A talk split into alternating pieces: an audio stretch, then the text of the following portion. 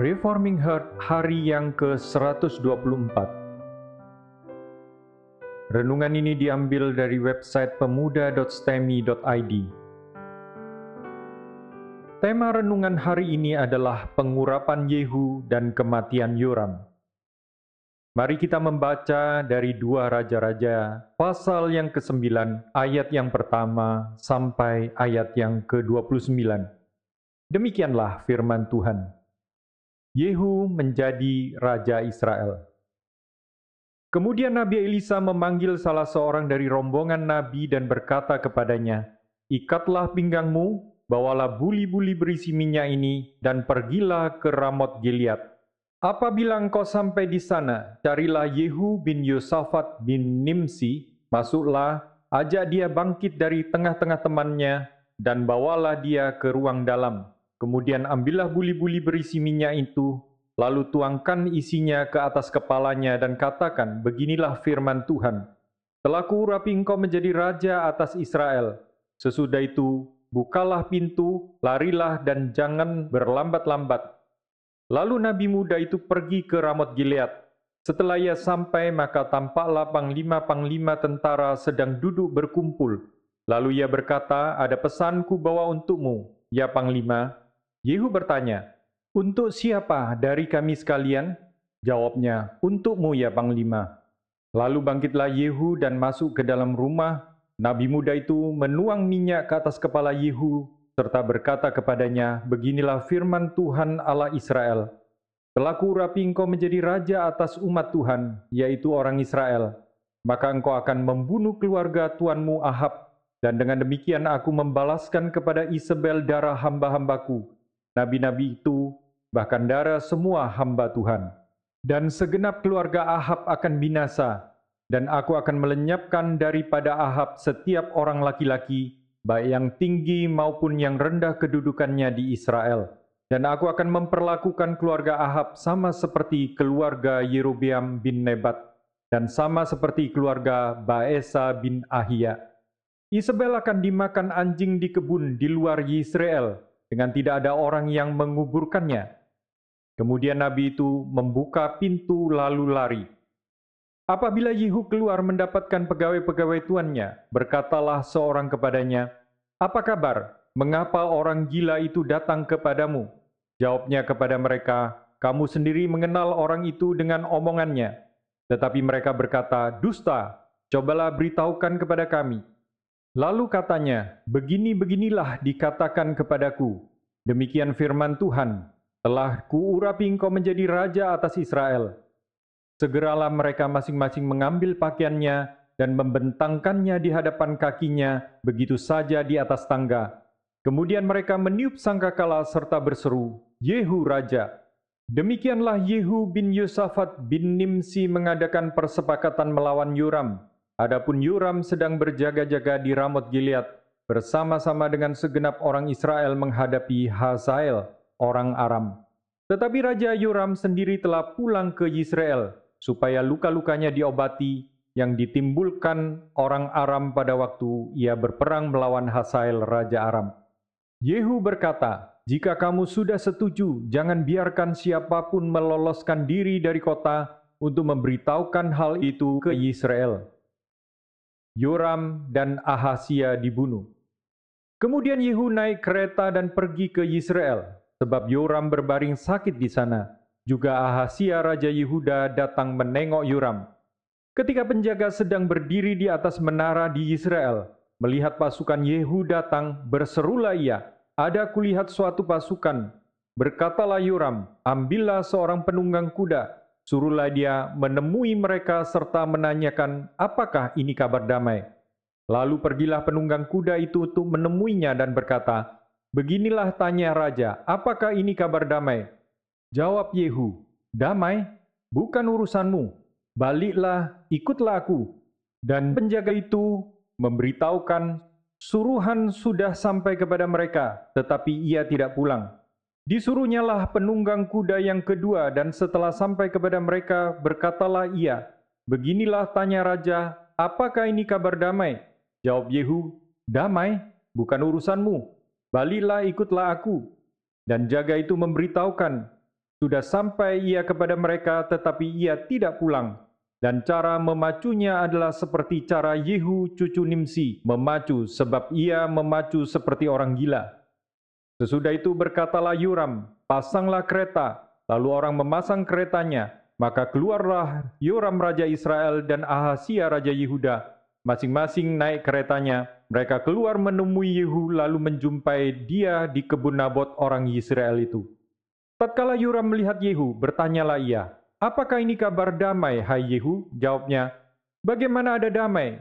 Selama sundal dan orang sihir ibumu Isabel begitu banyak.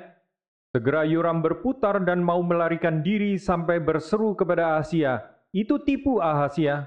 Tetapi Yehu menarik busurnya dengan sepenuh kekuatannya, lalu memanah Yoram di antara kedua bahunya, sehingga anak panah itu menembus jantungnya. Maka rebalah ia di dalam keretanya.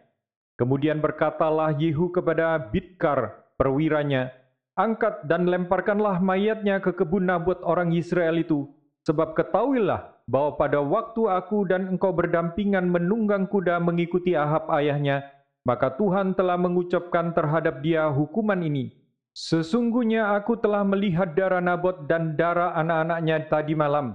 Demikian firman Tuhan, maka aku akan membalaskannya kepadamu di kebun ini. Demikian firman Tuhan. Oleh sebab itu, angkat dan lemparkanlah mayatnya ke kebun ini, sesuai dengan firman Tuhan. Ketika Ahasia Raja Yehuda melihat itu, maka ia pun melarikan diri ke arah Bet Hagan tetapi Yehu mengejarnya sambil berkata, Panahlah dia juga. Maka mereka memanah dia di atas keretanya di pendakian ke Gur dekat Yibleam. Ia lari ke Medigo dan mati di sana. Para pegawainya mengangkut mayatnya ke Yerusalem, lalu mereka menguburkan dia dalam kuburnya sendiri di samping nenek moyangnya di kota Daud. Adapun Ahazia menjadi raja atas Yehuda dalam tahun ke-11 zaman Yoram bin Ahab.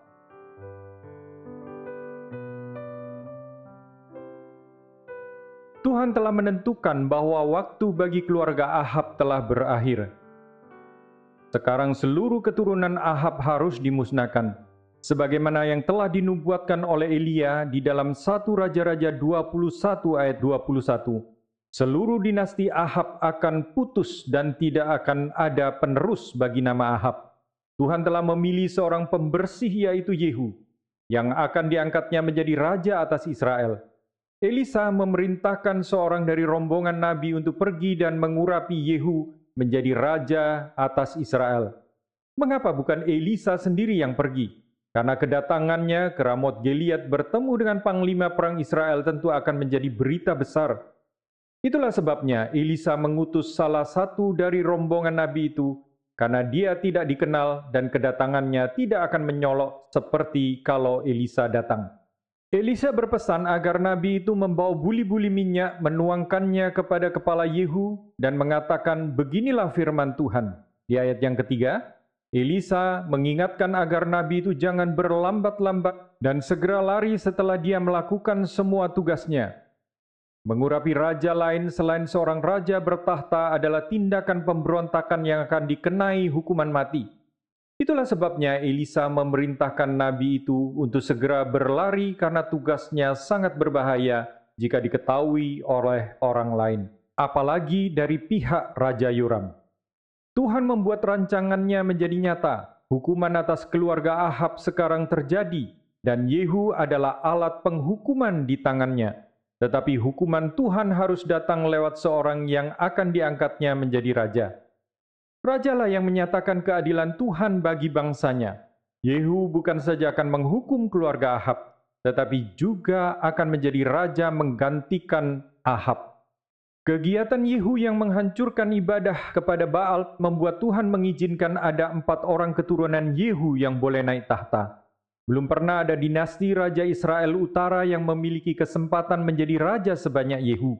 Empat generasi setelah dia tidak terputus untuk menjadi raja. Bandingkan dengan Yerobiam yang hanya satu orang penerus naik tahta setelah dia. Omri yang paling mendekati karena dia adalah dua generasi selanjutnya, yaitu Ahab dan Yoram. Sebelum Yoram, memang ada Ahasia yang menjadi raja, tetapi dia masih satu generasi dengan Yoram, karena dia adalah kakak Yoram. Dia mati saat baru memerintah dua tahun dan digantikan oleh Yuram adiknya. Jadi Omri diteruskan oleh Ahab dan anak Ahab, dua generasi penerus. Yehu segera diberikan tugas untuk menyatakan penghukuman Tuhan bagi keluarga Ahab, terutama Isabel. Isabel istri Ahab, perempuan Sidon itu masih hidup dan masih sangat berpengaruh. Pengaruh yang membuat Israel makin terpuruk di dalam penyembahan berhala dan atas kekerasan. Firman Tuhan dalam ayat yang ke-12, Yehu memberitahukan para panglima tentara yang lain tentang pengurapan untuk menjadi Raja Israel. Ternyata seluruh panglima yang lain juga berseru menyatakan dukungan bagi Yehu untuk menjadi Raja Israel. Mereka bahkan segera menghamparkan pakaian mereka di tanah untuk menghormati Yehu dan meniup sangkakala untuk mengumumkan bahwa Raja baru telah dilantik. Ini merupakan konspirasi yang paling tersusun tanpa banyak lobi apa pun, Yehu segera mendapatkan dukungan dari para panglima tentara. Tuhan sendirilah yang menggerakkan mereka, lalu mendukung Yehu. Dengan demikian, kekuatan raja baru itu segera dinyatakan dengan dukungan para panglima tentara, dan dukungan mereka merupakan dukungan yang sangat kuat. Mengapa Tuhan memilih Yehu? Apakah ada kaitannya karena dia adalah salah seorang panglima tentara? Tuhan memang memilih orang-orang yang tidak layak dan tidak terpikirkan untuk berbagian di dalam rencananya. Tetapi ini tidak berarti dia tidak memakai sama sekali kualitas-kualitas yang telah ada di dalam diri seseorang.